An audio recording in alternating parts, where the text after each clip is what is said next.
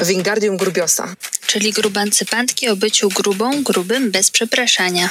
Wingardium Grubiosa to ciało pozytywny podcast, którego brakowało Ci w słuchawkach. Pierwsza polska audycja o grubości i innych wstydach, dzięki której zobaczysz społeczno-polityczny kontekst życia w grubym ciele w zupełnie nowym świetle. rozmawiają Ula, czyli Galanta Lala, i Natalia, czyli Nataszeks. Cześć wszystkim, bardzo się cieszymy, że jesteście z nami w drugim odcinku podcastu Wingardium Grubiosa. Dzisiaj będziemy rozmawiać o reprezentacji grubych ciał i grubych osób w bardzo różnych obszarach życia. Będziemy gadać o tym, jak jest, co nam się podoba w tym, jak jest, a co nam się nie podoba, i o tym, jak może być, co musi się zmienić i dlaczego w ogóle ten temat jest ważny. Dlatego, że co jest istotne, wychodzimy z założenia, że jesteśmy niedoreprezentowane jako grube osoby, mm, na przykład w mediach, czy serialach, czy filmach. E, I tutaj ważne jest e, to, żeby określić, co mamy na myśli, mówiąc my. Mówiąc my, mamy w tym konkretnym przypadku na myśli przede wszystkim osoby grube, ale myślę, że wiele rzeczy, których dotkniemy dzisiaj w podcaście, tak naprawdę dotyczy wszystkich nienormatywnych e, ciał i osób. Nienormatywnych to tak żeby przypomnieć króciutko definicję, którą e, Natalia pięknie w poprzednim odcinku wyjaśniła, nienormatywnych, czyli takich, które nie mieszczą się w obowiązujących e, kanonach piękna. Normatywność e, dotyczy nie tylko rozmiaru ciała, ale też koloru skóry, wieku, stopnia sprawności, stanu zdrowia. Wszystko to, co nie jest super zdrowe, szczupłe, białe i młode, jest poza kanonem i tym samym jest E, niedoreprezentowane. E, a zajmujemy się tym tematem e, dlatego, że reprezentacja jest niesamowicie ważna. Chciałabym opowiedzieć o takiej ciekawostce na sam początek. W latach 90., kiedy wyświetlano premierowo serial z Archiwum X, przeprowadzono w Stanach Zjednoczonych po kilku sezonach takie badania E, sprawdzające, jaki wpływ na, e, na młodzież, e, głównie kobiety, miało oglądanie tego serialu. I wtedy powstał taki termin, który nazywa się efekt skali, czyli tutaj nie chodzi o skalę, na przykład skalę od 1 do 5, tylko efekt agentki Dejny Skali, która była lekarką i agentką FBI.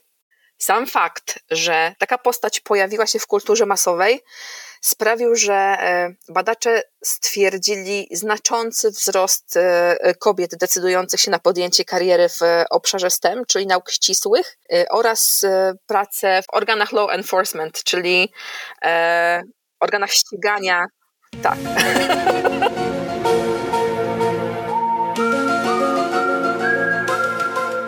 No właśnie, i wracając do kontekstu grubości, mniej więcej w tym czasie, bo w 2003 roku okazało się w badaniu, że tylko 14% kobiet i 24% mężczyzn, którzy no, są kwalifikowani tymi słowami, których nie lubimy, na N oraz O, więc zastąpię te dwa słowa słowem grube i grubi, yy, są reprezentowane yy, w telewizji komercyjnej.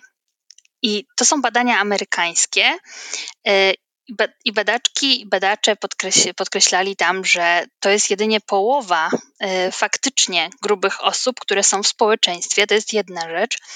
A druga rzecz to, że te osoby raczej były przedstawiane jako chodzące stereotypy, E, czyli jako osoby nieatrakcyjne, leniwe, przejawiające te wszystkie cechy, które się grubym osobom mm, dokłada. Głupie, tak, które dokładnie, czyli jak to powiedziałaś wcześniej, jowialne, yy, jakby bez, bez jakichś romantycznych e, swoich własnych wątków, bez e, seksualnych wątków fajnych, tylko właśnie jakie takie dodatkowe, dodatkowe postaci, z których można się pośmiać, więc to też nie o taką reprezentację nam przecież chodzi. E, no właśnie, to jest w ogóle taka kolejna ciekawostka, która mi się przypomniała, kiedy e, mówiłaś o tym, że e, ta reprezentacja, która funkcjonuje, jest pozbawiona wątków romantycznych i erotycznych. Przypomniała mi, jakim w ogóle wybuchem mózgów była scena erotyczna w wykonaniu Gabory Sidibe e, na planie mm, serialu Empire To był pierwszy raz z tego, co kojarzę, w amerykańskiej telewizji, kiedy gruba, tak nienormatywnie gruba osoba miała w ogóle swoją scenę seksu. Kiedy to było? 2015 rok.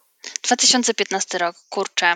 Mm, no oczywiście teraz będę bardzo dużo myślała o tym, żeby znaleźć jakąś scenę, która była wcześniej, ale, ale tak, no. Ale super, tak, rzucam ci wyzwanie. Jeśli znajdziesz, to, to e, odszczekam i e, nie wiem, przejdę po, po przedpokoju e, tyłem na czworakach. Ale z tego, co kojarzę, to rzeczywiście poruszenie było gigantyczne. Mm, Gaboury CDB jest poza wszystkim też ciemnoskóra, więc to też potęgowało ten efekt w ogóle wybuchu mózgu, że to jest w ogóle możliwe, żeby takie rzeczy w telewizji pokazywać. Yy, tak, ale tak sobie teraz właśnie myślę, mm, jak dużo dobrego zrobił e, w tym obszarze e, serial Orange is the New Black. Dlatego, że tam są przedstawione bardzo różne postaci kobiece, czy postaci e, nienormatywne, w bardzo różnych relacjach, też o bardzo różnych kolorach skóry mm, i pochodzeniu etnicznym i pośród nich sporo grubych też, też kobiet, właśnie, właśnie w takich erotycznych e, i romantycznych relacjach. Tak, chyba ciągnie I... nas do, do, do mówienia o tym, co lepsze. I o tym, co, co tak. rzeczywiście gdzieś tam się e, e, udawało. Tak, no bo kurczę, ile razy można naprawdę mówić już o tej właśnie Monice z Friendsów, która wystąpiła w Faciucie, czyli jako przebrana za grubą osobę i pora porażkę jednocześnie. I nie wiem, o Uli Brzyduli też, ileż można mówić, że właśnie, że, że będzie miała jakiś facjut, że będzie miała dodany brzuch, a później pewnie schudnie i to będzie takie super. Zgadzam się, że z jednej strony to jest męczące, ale z drugiej strony myślę, że e, warto pokazywać palcem i mówić, że to nie jest ok, dlatego że przyjaciele to jest coś, co e, w ogóle e, nasze pokolenie kształtowało w kontekście społecznym, kulturalnym, co, co, co tworzyło nasze aspiracje na całe życie często. Tymczasem okazuje się, że nie wiem, kiedy przyjaciele się pokazali na Netflixie, w 2020 czy 2019. E, w każdym razie ja zrobiłam podejście do tego, żeby obejrzeć to jeszcze raz na świeżo, w cudzysłowie, i nie byłam w stanie tego oglądać. Po to jest okropne. Tak, nagle się okazuje, że ten serial, który nas tak mocno ukształtował, że on się tak zestarzał, że naprawdę no nic śmiesznego, nie? No właśnie, dużo osób mówi, że się zestarzał, a ja myślę, że on zawsze był zły. On zawsze był zły po prostu. tylko, Ale my nie mieliśmy tylko, porównania. No. W, w, wiesz, wtedy, kiedy on był e, w Polsce pokazywany, my nie mieliśmy jeszcze porównania. Jeszcze do tej pory tak naprawdę mamy bardzo mało punktów odniesienia do tego, jak można mówić e, o, o świecie, o ciele, chociaż tych świetnych seriali dotykających tematów związanych z, z nienormatywnością jest coraz więcej. E, ale Jezu, to było takie straszne, że naprawdę ja do tej pory mam koszmary, jak widzę gifa z e, grubą Moniką. No, to prawda. Tak, ja też sobie odpaliłam, przyznaję się, jako guilty pleasure serial e, Teoria Wielkiego Podrywu, czyli The Big Bang Theory. I no to jest, to jest tragedia. No poza tym, że to jest taki bardzo wykluczający serial pod względem seksistowskim na przykład, czy homofobicznym, to też te żarty z grubych dziewczyn, jako będącymi jakąś taką pociechą e, dla tych zwanych mózgowców i takich bardzo mądrych chłopaków, mm, to jest bardzo, bardzo przykre. Nie dość słabe, to jest wszystko po prostu cienkie jak dupa węża. Nie da się tego oglądać w tym momencie już z perspektywy XXI wieku. To jest nie do przełknięcia. E, ale warto o tym mówić, dlatego że to jest świetna okazja do porozmawiania e, o stereotypowych przedstawieniach grubasów, do tego, żeby sobie przypomnieć, że takim najbardziej podstawowym kontekstem, w jakim w ogóle pokazywało się i pokazuje się do dzisiaj w telewizji grube ciała, e, jest headless fat, czyli e, gruba osoba przedstawiona bez głowy, czyli oczywiście zoom na wszystkie fałdy, które mamy, najchętniej w ogóle w okolicznościach takich, kiedy ktoś coś je albo nie wiem, siedzi na, e, na ławce w centrum handlowym tak. i po prostu tyłek wystaje tej osobie za ławkę. Takie kompromitujące, obrzydliwe filmiki bądź zdjęcia, które są wykorzystywane jako tło do historyjek z morałem, na temat tego, jak źle jest być grubym człowiekiem. No i to mamy jakby przedłużeniem tego jest też e, stereotyp good fatty, czyli dobrego grubaska, nie? E, tak, właśnie próbuję sobie przypomnieć jakiś przykład do, dobrego grubaska, bo właśnie w głowie mam te świeże, te dobre przykłady. Ostatnio oglądałam taki film Booksmart mm, w reżyserii Olivia Wilde e, na HBO, gdzie są, jest jakby to zrekonstruowane. Są dwie przyjaciółki. Jedna jest trochę grubsza, e, nie jest jakaś bardzo gruba, ale jak na standardy głównych bohaterek to jest właśnie wow. Mm, I pojawia się taki dialog mm, w, w, oczywiście w toalecie w high schoolu, jak to bywa w takich filmach. A tak się śmiałaś ze mnie w poprzednim odcinku, w toalecie w high schoolu. w toalecie w liceum ogólnokształcącym e, ta, ta grubsza dziewczyna e, podsłuchuje rozmowę na swój temat e, osób, które mówią, że chętnie by z nią miały jakąś relację seksualną, ale, ale dlatego, że jest taka sztywniacka, taka nieprzyjemna, to nie za bardzo. Jakby to w ogóle tu nie chodzi o jej wygląd e, w żaden sposób. Drugim przykładem jest Unpregnant, e, w którym też jest główna bohaterka. E, jedna z dwóch głównych bohaterek jest, jest gruba i jest super postacią. No i wiesz, jakby zaczynają się pojawiać seriale i filmy, które, mm, które pokazują, że da się. Wiesz, mamy jeszcze Shrill, którego zaraz wychodzi ostatni sezon, na którego nie da się w Polsce obejrzeć. E, Jak to ostatni? Ostatni to już będzie niestety, przepraszam, muszę cię rozczarować, ale właśnie widziałam wczoraj dosłownie informację, że, że to finałowy sezon Shrill przed nami. No i serial, który ja w ogóle mogę oglądać bez końca, e, czyli Dietland, który da się w Polsce obejrzeć. E, na platformie Prime Video e, jest dostępny, e, gdzie główna bohaterka jest y, grubą kobietą. Y, czyli te dobre przykłady się y, pojawiają. Inna rzecz jest taka, że też te seriale wszystkie strasznie krótko są produkowane. Shrill ile? Trzy sezony? No właśnie, i to są takie odcinki 20 minut, co po 10 odcinków w sezonie? No właśnie. Coś takiego. Dietland miał tylko jeden sezon.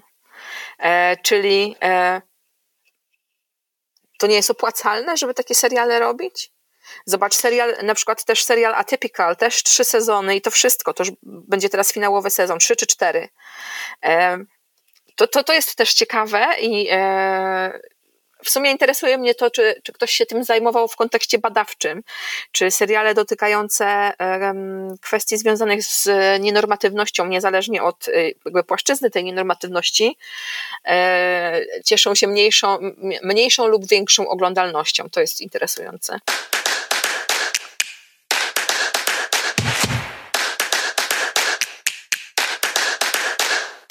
No właśnie, i tutaj przeszłyśmy już właściwie od razu w temat polecajek, tego co jest e, warte zobaczenia. A porozmawiajmy może chwilę o tym, co nas kształtowało, co było na wyciągnięcie ręki, kiedy my dojrzewałyśmy. Dlatego, że szczerze mówiąc, bardzo ciężko jest mi przywołać grubą postać, z którą ja bym się utożsamiała jako gruba dziewczynka. E, przypomina mi się postać negatywna, postać Urszuli z Małej Syrenki. Nie wiem, czy pamiętasz. O Boże, kocham Urszulę. No, Urszula jest, Urszula jest wspaniała, aczkolwiek jako dziecko się jej bardzo bałam. Tak, to jest w ogóle po prostu the ultimate villain, czyli po prostu ostateczny e, złoczyńca, e, tak, jeśli chodzi i... o Disneya.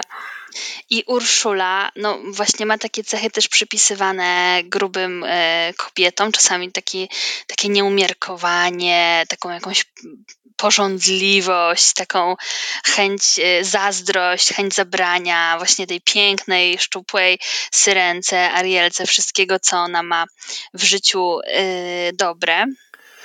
Mm, trochę... A takich dobrych postaci, przepraszam, ja tylko, a takich dobrych... Jakby mogła powiedzieć jedną rzecz tylko o Urszuli, no. przepraszam, ale czuję się zobligowana, że e, to jest naprawdę mega trudne, bo jak masz kilka czy kilkanaście lat, to jakby szukasz dobrych wzorców i chcesz być tą Arielką i dopiero potem się orientujesz, że Urszula tak naprawdę była drag queen i jest po prostu totalnym wzorcem do naśladowania i dbania o swoje interesy.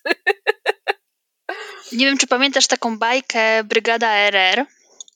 E, tam były te wywiórki Chippy Day, które rozwiązywały zagadki detektywistyczne. I bzyczek. E, I bzyczek, tak. I jeszcze była postać grubej jakiejś wiewióry, czy szczurka, czy innego, e, która szalała na widok sera. Tak. E, Rockford chyba się nazywał. Tak, dokładnie, miał tak na nazwisko Rockford. I wczoraj właśnie oglądaliśmy z chłopakiem tak, tylko scenkę, jak, jak, jak to zwierzątko po prostu niszczy im sytuację tutaj e, detektywistyczną, kiedy czuje serek, jego oczy zaczynają się wirować, robić się szalone, bo jedyne o czym on myśli, to to, żeby ten serek sobie zjeść. No i to jest myślę, że po prostu kwintesencja tego, jak te grube postaci są przedstawiane w, zarówno w, w, filmach, serialach, ale też i w bajkach, a bajki wiadomo kształtują i programują od najmłodszego. Bardzo, to jest y, w ogóle niesamowite, jak Wiesz, w pewnym momencie, jak e, uświadamiasz sobie, e, czy uczysz się tego, czym jest fatfobia i uczysz się ją zauważać, to nagle się okazuje, że to jest taki, taka posypka rozsypana po całym naszym życiu. I oglądasz, nawet jeśli oglądasz coś, co ci się bardzo podoba, to i tak słyszysz te rzeczy, wiesz, te, te, te fatfobiczne uwagi, e, które się pojawiają to tu, to tam, gdzieś tak no mega zgrzyt. Właśnie a propos tych, tych seriali i tych e, tekstów kultury, na których e, dorastałyśmy, no to mm, takim serialem, który był gdzieś taki dla mnie e, istotny, jak byłam młoda, był serial Kochane Kłopoty, czyli Gilmore Girls. I tam jest gruba postać Suki, grana przez Melissa McCarthy. I ja właśnie to samo co Urszula, nie? że ja, się, ja nie chciałam się utożsamiać z nią, ja po prostu wtedy byłam Rory Gilmore i byłam w jej wieku i e, po prostu totalnie całe Stars Hollow, czyli miasteczko, w którym się rozgrywa akcja serialu było dla mnie takim lepszym światem e, i oglądam to teraz ponownie po latach Lubię czasami wracać do takich dziwnych rzeczy. E, I też uderza mnie taki rozdziew, że z jednej strony e, jest ta gruba bohaterka i rzeczywiście e, no Melissa była chyba ze dwa razy w ciągu też kręcenia tego serialu w ciąży, więc te jej rozmiary się wahały. Ubrana była zawsze naprawdę tragedia. No taka klasyka lat 90., początku lat, początku 2000, jeżeli chodzi o modę, dziwne fryzury, ale była jakby w ogóle ta jej grubość nie istniała, jakby ta bohaterka nie funkcjonowała w kontekście grubości w ogóle, po prostu była grubą kucharką i tyle, e, szefową kuchni.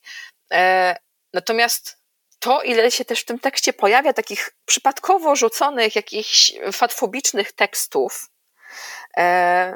nawet, które rzucają nawet główne bohaterki w odniesieniu do samych siebie, no po prostu powoduje w mojej głowie taki mega rozdziew, że czy się nikt nie zastanowił, że z jednej strony macie grubą bohaterkę, jedną z ważniejszych w serialu, a jednocześnie takie rzeczy są przepuszczone w scenariuszu? I to, wiesz, to jest takie po prostu nauczenie i utrwalanie w, w, w młodych osobach e, tej, tej grubej gadki, o której ostatnio rozmawiałyśmy, nie? Tego, tej, tej takiej wewnętrznej narracji o tym, że o Jezu, zaraz nie mogę tego zjeść, bo przytuję, będę gruba i nie będzie mnie chciał na przykład, nie? Tak, jak sobie myślę właśnie o takich serialach czy filmach, to przecież nie jest tak, że to jest jakaś wpadka. To to najczęściej jest jakiś bardzo długi proces produkcji i w to zaangażowanych jest mnóstwo osób, czy na planie filmowym, na etapie jakiegoś tworzenia, na etapie castingu. Przecież to, to nie jest tak, że to jest przypadek, że e, jest, nie ma grubych osób, to, to jest jedna rzecz, że to nie jest przypadek, a druga rzecz, jak one już się pojawią, że wokół nich jest ta taka fatfobiczna aura, że trzeba zaznaczać, że ta grubość to jest ich cecha. Przecież to wszystko jest skalkulowane, żeby to się właśnie podobało odbiorcom i odbiorczyniom.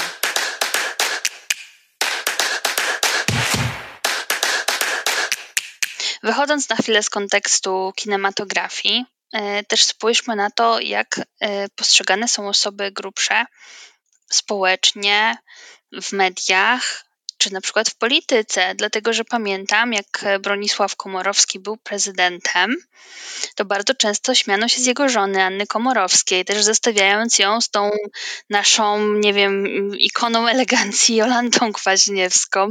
To trochę w cudzysłowie to mówię, oczywiście.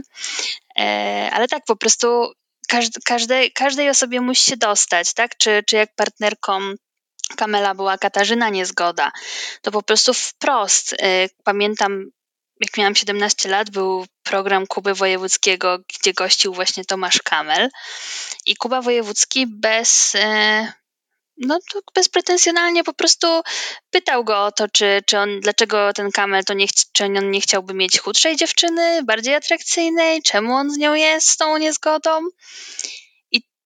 to są jakieś takie treści, które ja bardzo chłonęłam, które ja zapamię zapamiętałam i po prostu mi się jakoś tak skatalogowały w, w szufladkach, chyba jeszcze bardziej niż, e, mm, niż te seriale i bajki.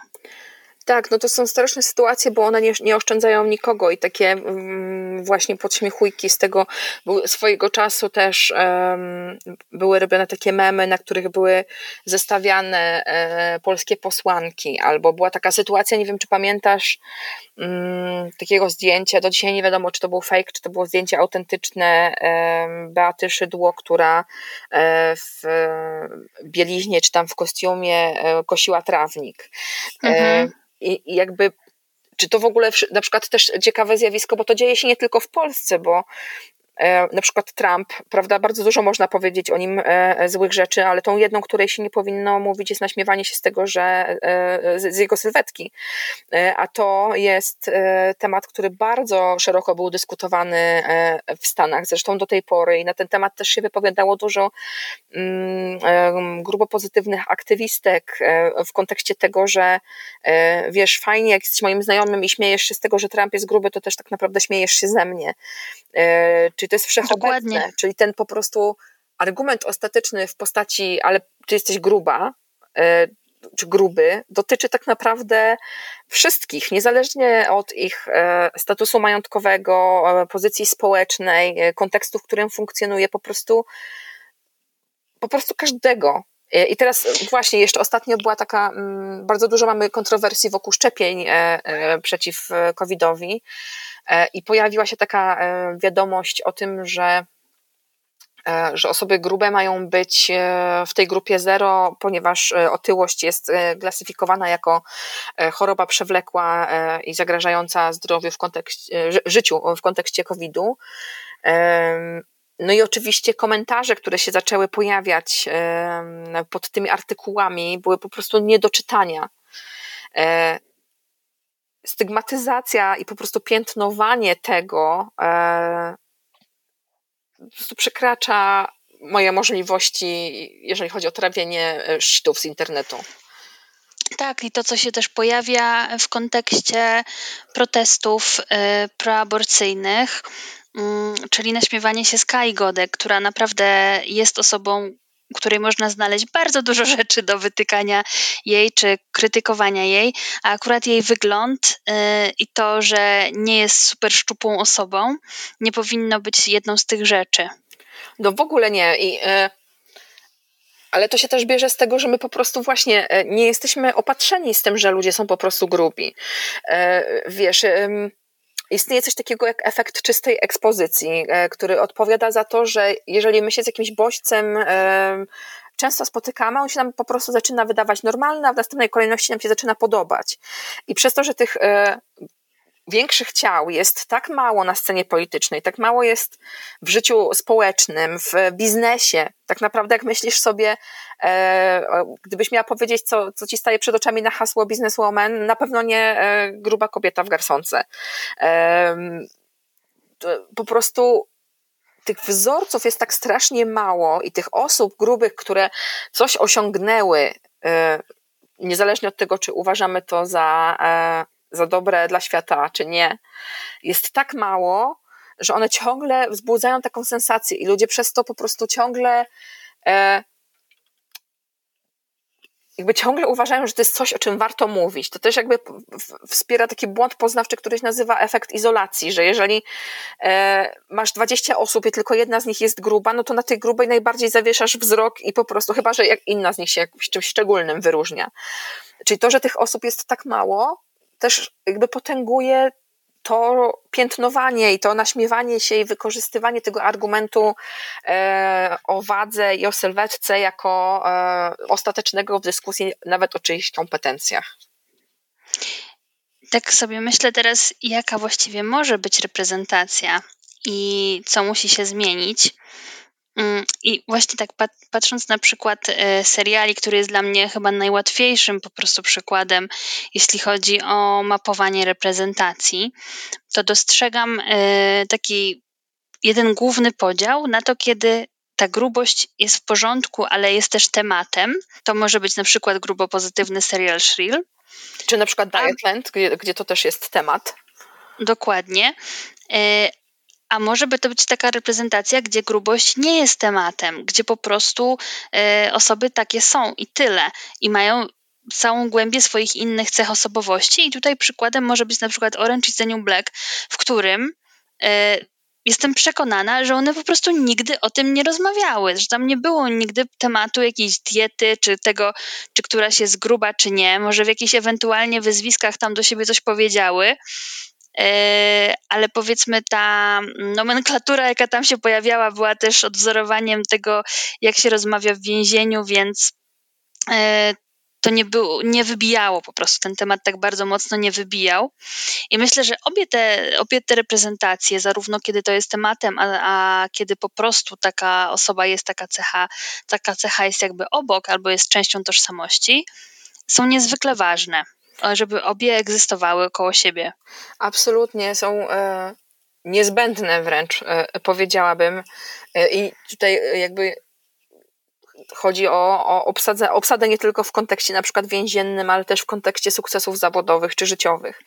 Chociaż na chwilę wrócę jeszcze do serialu Orange is the New Black, który, jest, który zrobił świetną robotę, jeśli chodzi o reprezentację, bo tam jest e, to właściwie takich normatywnie ładnych e, aktorek e, było raptem kilka, a tematy, które zostały poruszone, to jest tak naprawdę całkiem szeroka paleta, bo dotyczy i e, kwestii wieku, i, kwestii pozycji społecznej, i wyglądu, ale też przecież pojawia się tam Laverne Cox, osoba transpłciowa, i, i i to jest super, że w ogóle pojawił się taki serial, który dotyka tak wielu rzeczy, a jednocześnie nie jest to gdzieś tam główny temat tego, o czym ten serial, e, o czym ten serial traktuje.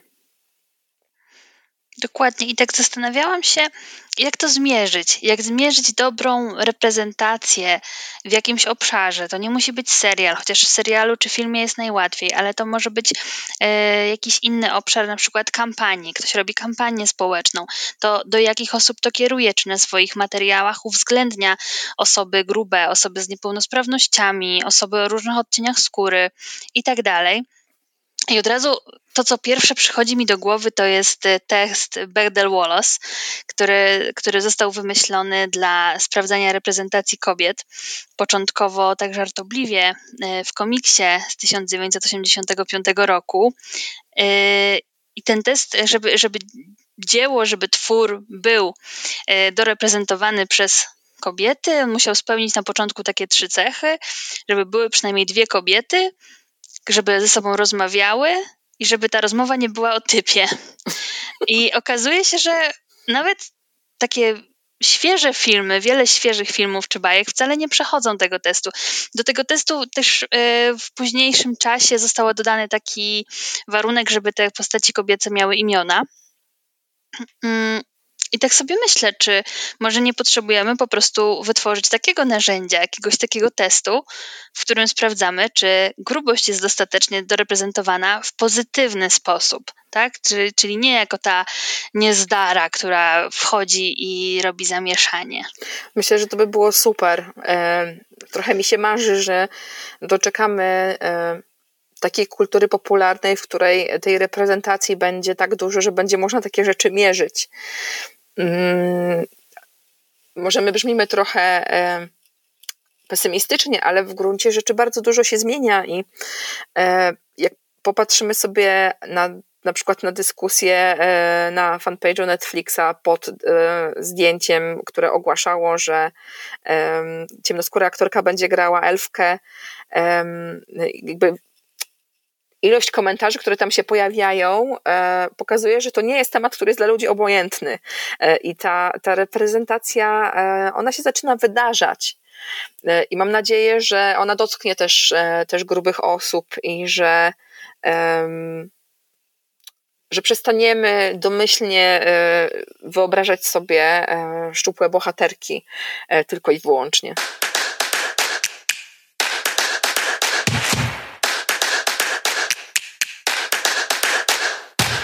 Też takim tematem, który myślę, że musi się pojawić obok tematu reprezentacji, jest kwestia tokenizmu, czyli wyłącznie symboliczne umieszczanie wykluczonych w jakiś sposób jednostek Mm, tak właściwie dla tak zwanej poprawności politycznej, powiedzmy, a nie dlatego, że faktycznie chce się te osoby uwzględnić.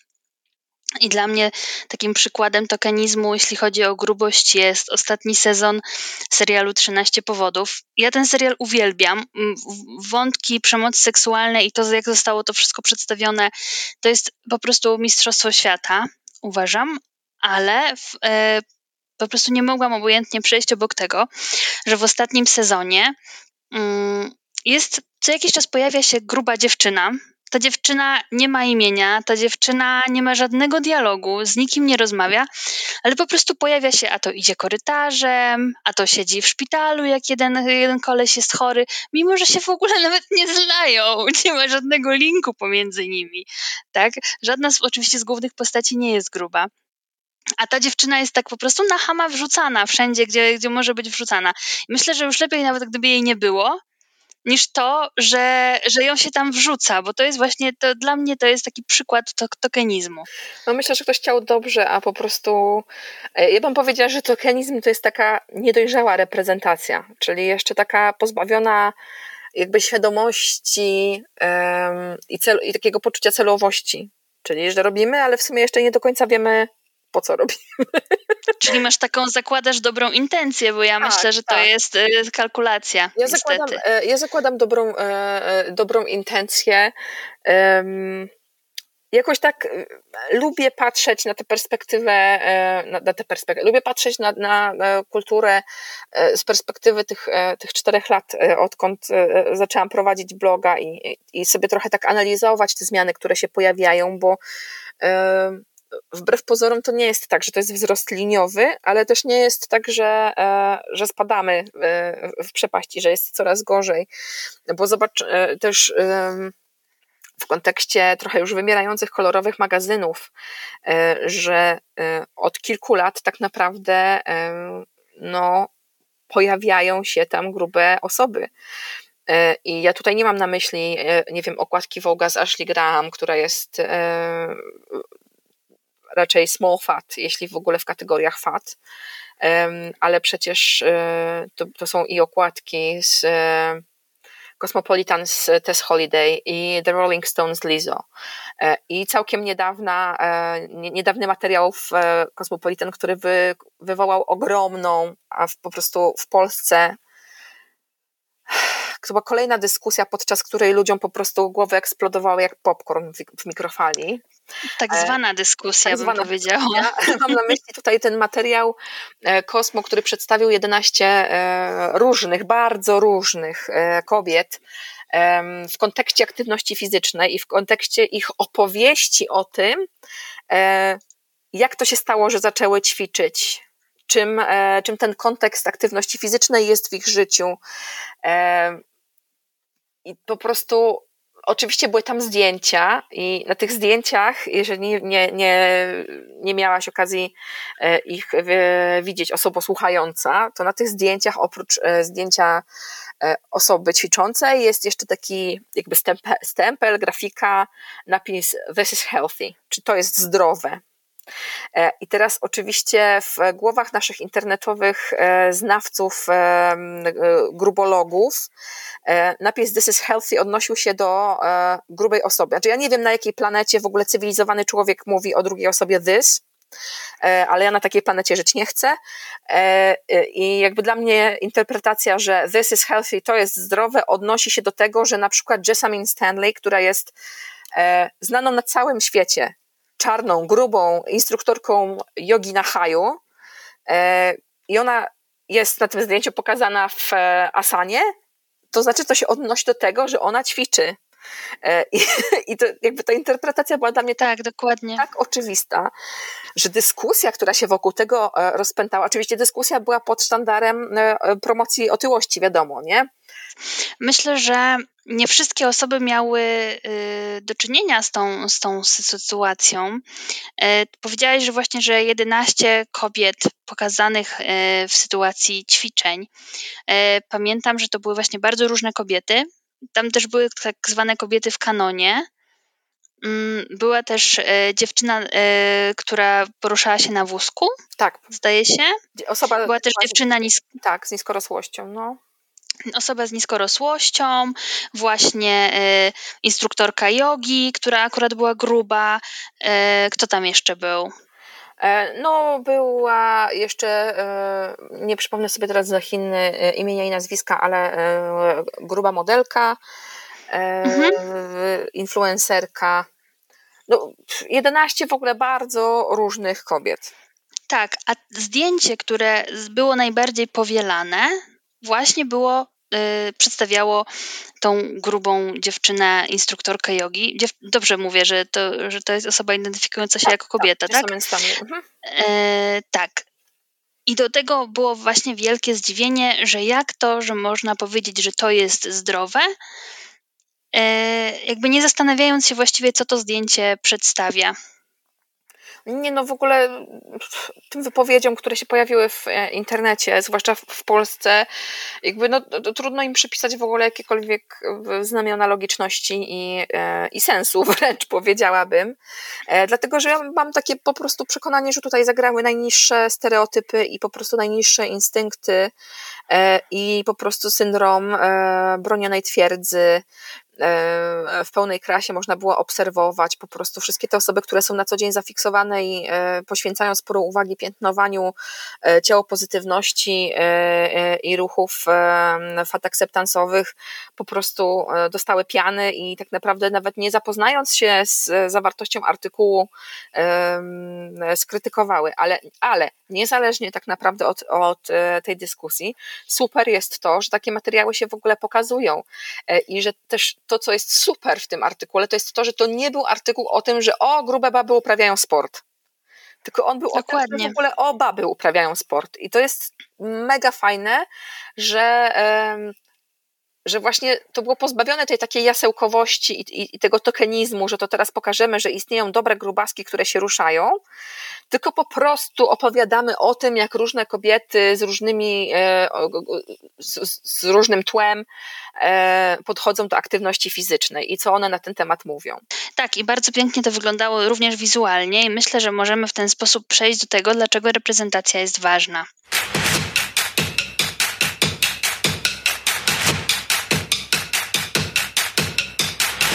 Reprezentacja jest bardzo istotna moim zdaniem, dlatego że ukrywanie naszych ciał, mówię naszych ciał jako grubych, białych kobiet, a oczywiście, tak jak mówiłyśmy wcześniej, spektrum jest o wiele szersze.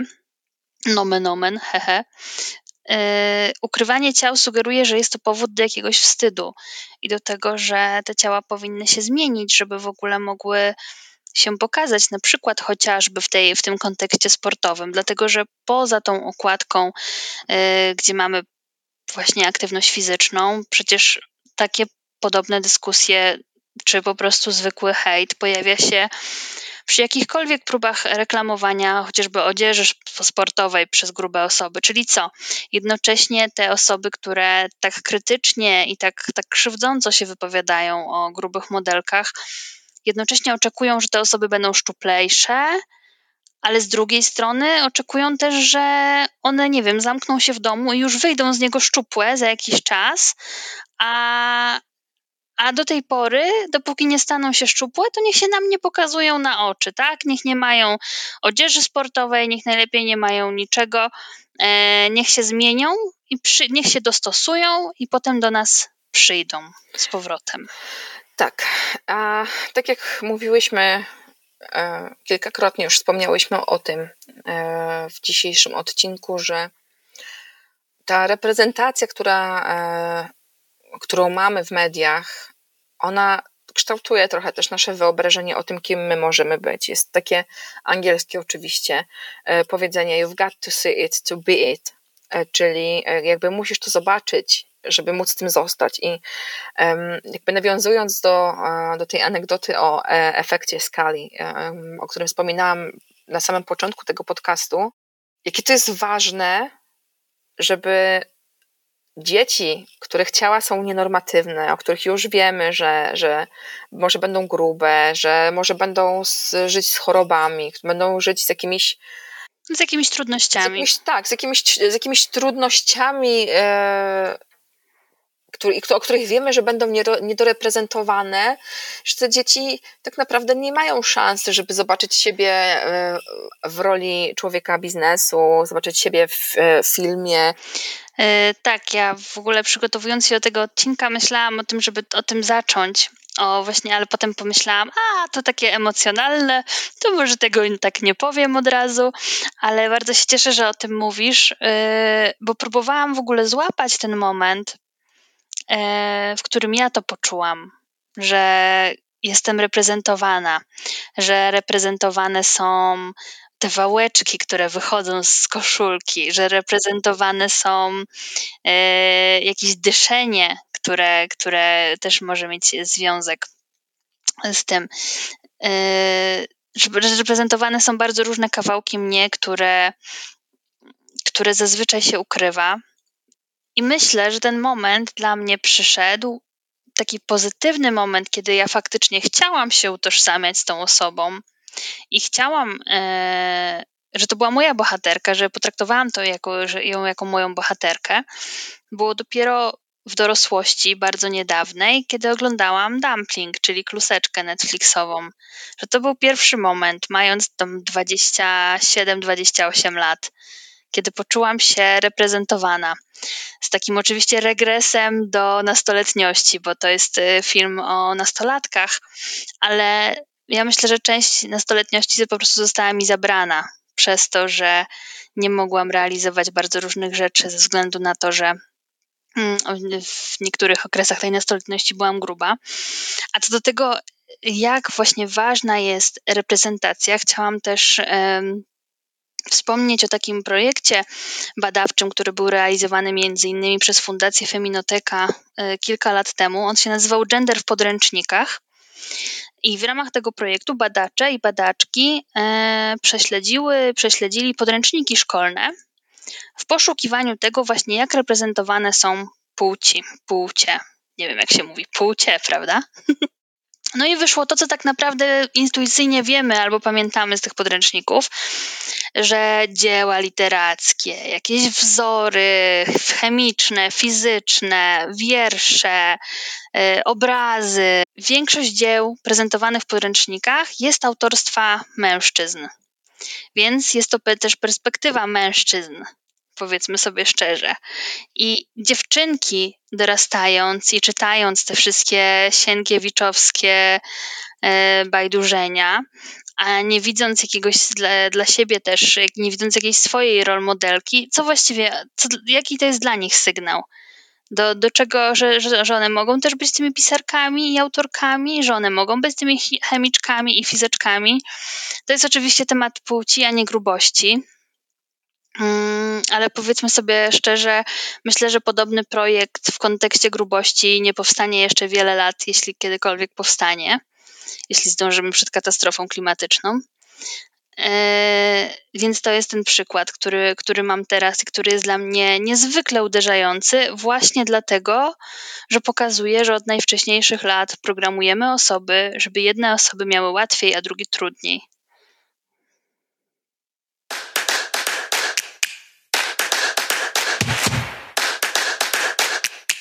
Dzięki, że słuchaliście, słuchałyście. Do usłyszenia. Jeśli chcesz wesprzeć rozwój pierwszego polskiego podcastu o grubości, dołącz do grona osób wspierających nas na patronite.pl ukośnik Wingardium Grubiosa. Zaobserwuj nas na Facebooku i Instagramie na małpka Wingardium Grubiosa. Kolejnych odcinków grubancypacyjnego podcastu posłuchasz na Spotify, YouTube i innych znanych platformach streamingowych.